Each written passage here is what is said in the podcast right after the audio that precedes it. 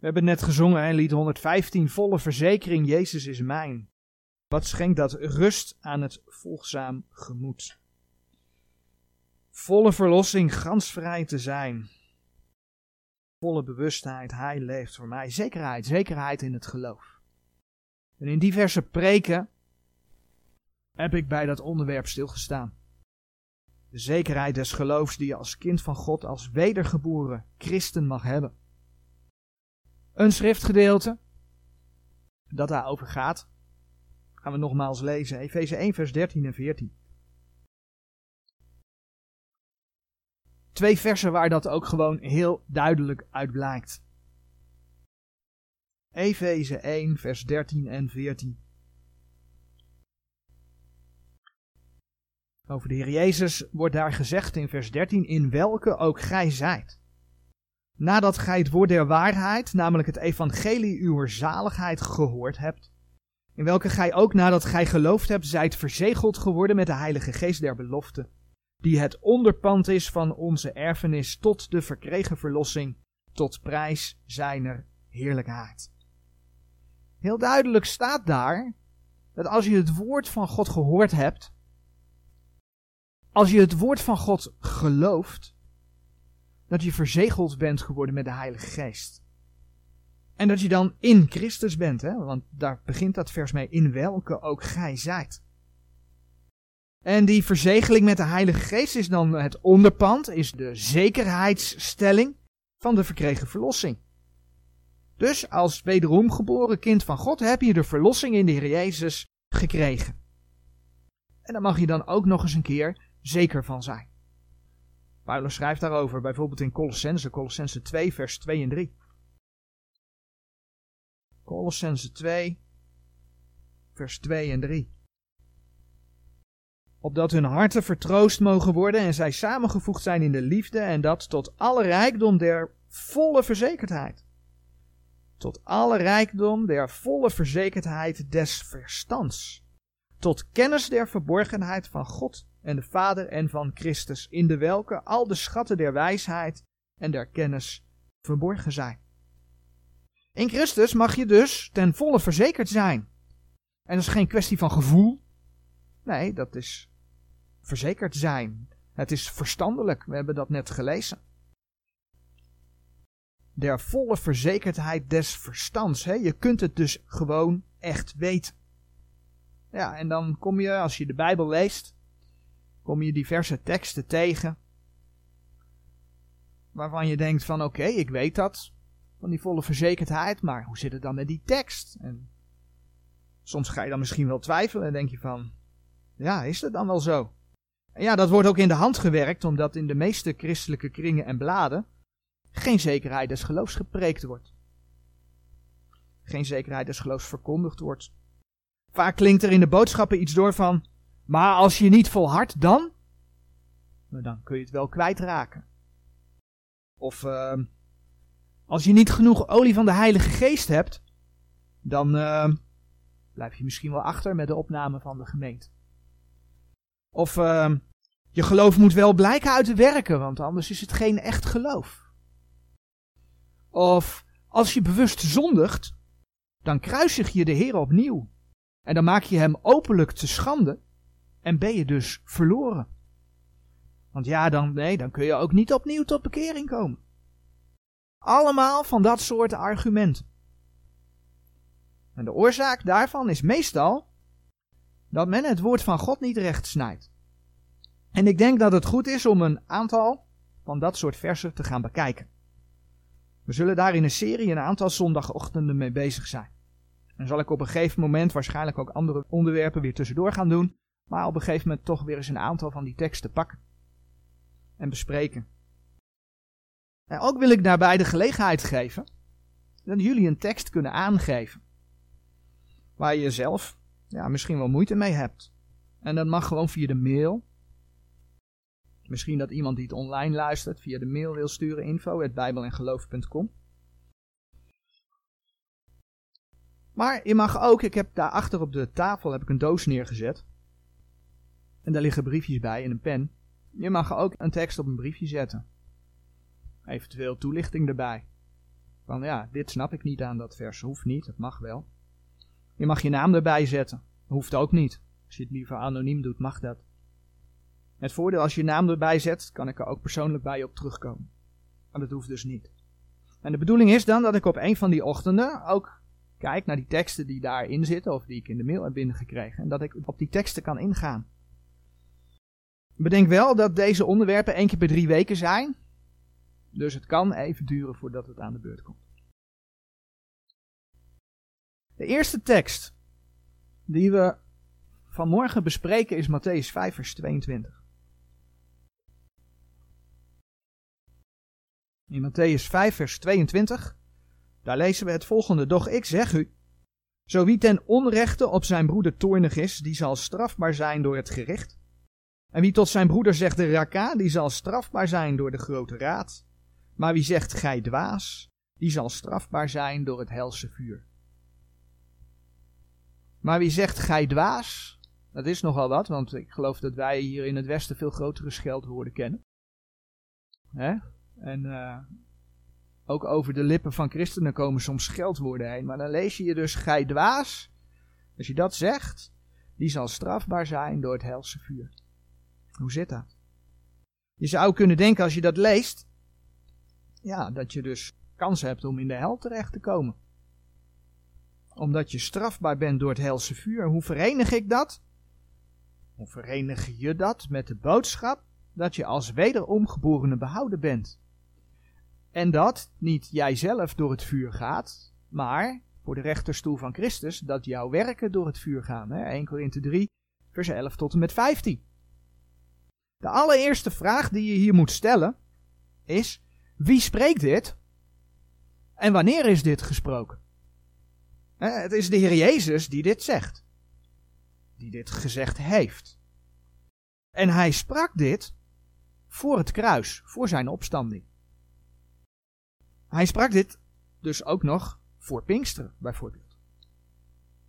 Dit werd dus in de eerste plaats niet tegen de gemeente van de Heer Jezus gezegd. Het publiek van de Heer Jezus in het Matthäus-evangelie was ook Joods.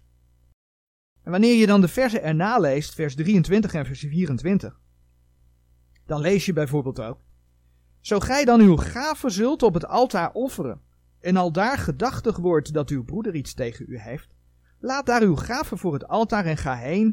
Verzoen u eerst met uw broeder en kom dan en offer uw gave. Als je dat leest, dan gaat het over het brengen van een offer. Dat heeft dus te maken met de tempeldienst. Er is vandaag de dag helemaal geen tempeldienst. Wij brengen helemaal geen offer meer. Dus dit gedeelte, wat je hier leest, vindt plaats onder de wet. Onder de wet van het Joodse volk. En de letterlijke toepassing is dan dus ook voor het Joodse volk onder de wet. En het gaat verder. Want de boodschap in het Matthäus-evangelie was het evangelie van het koninkrijk. Laten we naar Matthäus 10 bladeren. En eigenlijk heel specifiek in Matthäus het koninkrijk der hemelen. De Heer Jezus kwam en die kondigde het koninkrijk aan. Het koninkrijk zou gaan komen. Hij zou koning gaan worden. In Matthäus 10, vers 6 en 7 lezen we. Maar gaat veel meer heen tot de verloren schapen van het huis Israëls. En heengaande predikt zeggende, het koninkrijk der hemelen is nabijgekomen. Dat is wat de Heer Jezus predikte. Dat is wat hij de discipelen liet prediken. Dit gedeelte, het Matthäus-evangelie, aan het kruis is heel duidelijk voor de Joden onder de wet die de koning verwacht. Alleen ja, de Joden verwierpen de Heer Jezus. Het koninkrijk is uitgesteld, is zelfs nu nog toekomst, gaat nog komen.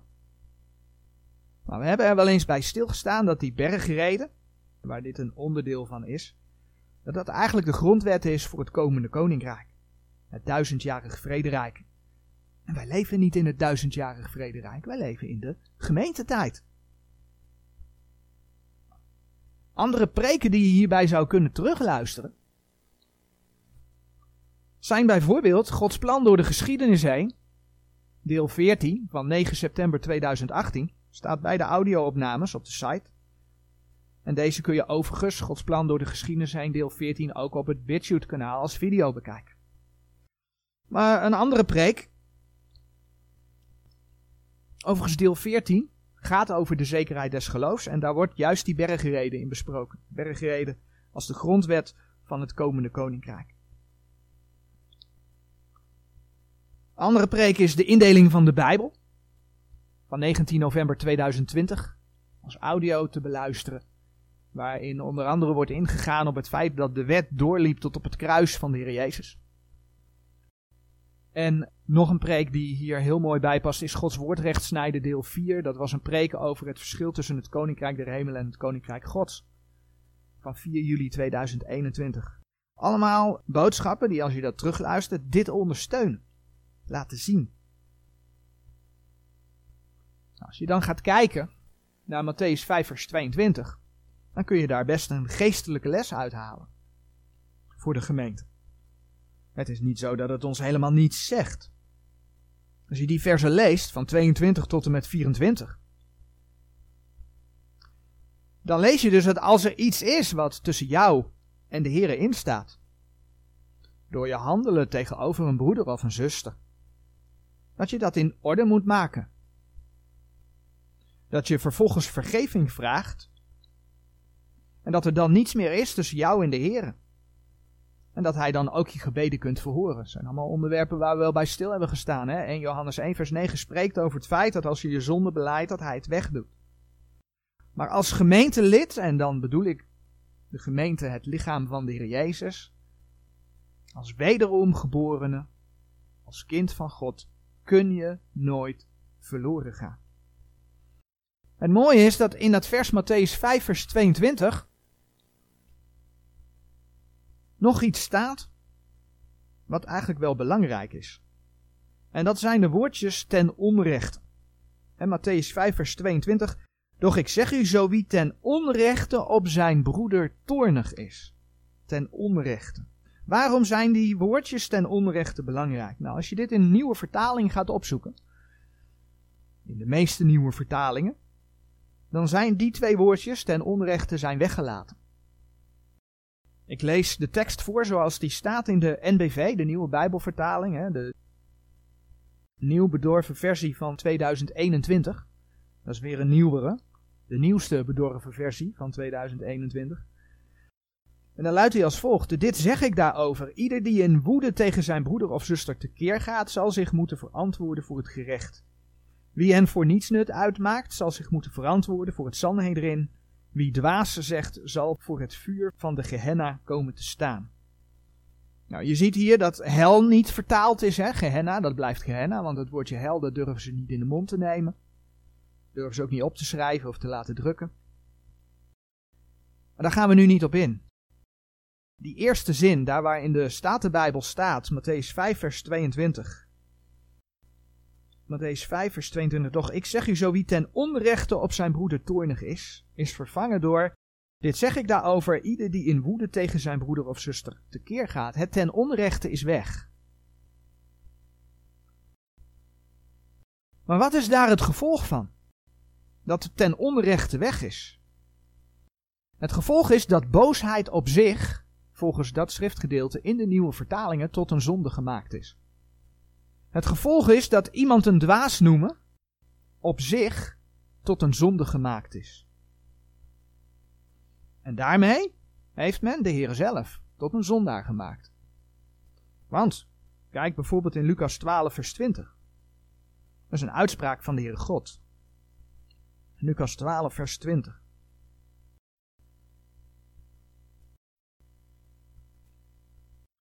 Maar God zeide tot hem, gij dwaas zijn de woorden van God. Maar God zeide tot hem, gij dwaas. Nou, de rest hoef ik eigenlijk niet eens voor te lezen, maar voor de context. Maar God zei tot hem, gij dwaas, in deze nacht zal men uw ziel van u afeisen. En hetgeen gij bereid hebt, wiens zal het zijn? Gij dwaas, God zegt gij dwaas. Dus als dat ten onrechte weggelaten is, dan is God hier dus tot een zondaar gemaakt, volgens Matthäus 5 vers 22, en strafbaar door het helse vuur. Uh -huh. Niet dus. Van de Heer Jezus weten we, Johannes 2, vers 13 tot en met 17, dat hij de tempel leegsloeg met een geesel. Van de Heer Jezus weten we dat hij de vijgenboom die geen vrucht droeg, veroordeelde, Matthäus 21, vers 19. Maar zo kun je ook in Marcus 3, vers 5 lezen dat de Heer Jezus toornig werd. En zo lezen we ook, en die tekst zoeken we op, Matthäus 23, vers 19, dat de Heer Jezus het volgende tegen de Fariseeën zei. Matthäus 23, vers 19. Gij dwazen en blinden. Want wat is meerder, de gave of het altaar, dat de gave heiligt? De Heer Jezus zei dus tegen de Fariseeën, gij dwazen. Dus niet alleen de Heere God, ja, de Heer Jezus was God in een menselijk lichaam, maar goed, niet alleen de Heere God, niet alleen God de Vader, laten we het even zo zeggen, maar de Heer Jezus zelf wordt hier dus tot een zondaar gemaakt door die tekst in Matthäus 5, vers 22 aan te passen. En dat terwijl de schrift duidelijk is dat de Heer Jezus zonder zonde was. In Hebreeën 4, vers 15 staat zo mooi geschreven. Hebreeën 4, vers 15.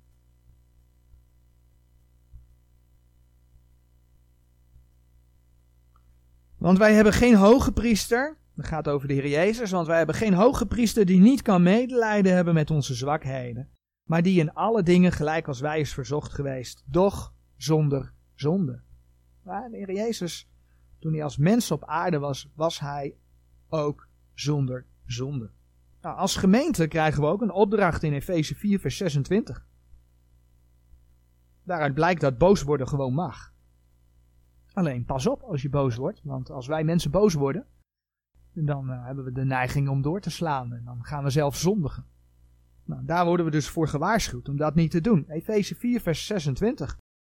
Word toornig en zondigt niet. De zon gaat niet onder over uw toornigheid. Word toornig en zondigt niet. Boosheid op zich hoeft in sommige situaties dus helemaal niet verkeerd te zijn. Zolang je er maar niet door ja, tot zonde laat verleiden. En zo lezen we bijvoorbeeld ook dat Paulus in 1 Korinthe 15 vers 36 het volgende schreef. 1 Korinthe 15 vers 36. Apostel Paulus. Gij dwaas, hetgeen gij zaait, wordt niet levend, tenzij dat het gestorven is. Paulus, gij dwaas. Dus ook Paulus gebruikte dat woord tegenover andere mensen. Maar Paulus was absoluut niet bang voor het hellevuur. Ik bedoel, we hebben vanmorgen de teksten gelezen in Colossense 2 vers 2 en 3 dat Paulus ten volle verzekerd was van het feit dat hij een kind van God is. Hij was ten volle verzekerd in Christus. kun je ook 2 Timotheus 1 vers 12 bij opzoeken. Laten we dat vers nog maar even lezen. 2 Timotheus 1 vers 12. Maar Paulus het volgende schreef. Om welke oorzaken ik ook deze dingen leid. Maar ik word niet beschaamd, want ik weet wie ik geloofd heb. En ik ben verzekerd dat hij machtig is mijn pand bij hem weggelegd te bewaren tot die dag. Paulus was verzekerd. Dat is het lied wat we vanmorgen gezongen hebben. En zo zien we hoe we enerzijds de schriften recht moeten snijden. En dan zien we dat het vers in dit geval niet letterlijk op de gemeente van toepassing is maar op een andere tijd. En anderzijds dat de Heer zijn woorden in de Statenbijbel bewaard heeft en dat wij die woorden ook moeten bewaren. Dat je er niet uit weg moet laten, want als je eruit weglaat dan klopt het niet meer. In elk geval hebben we gezien dat Matthäus 5 vers 22 geen reden is om te gaan twijfelen aan de zekerheid die je in Christus in het geloof mag hebben. Amen.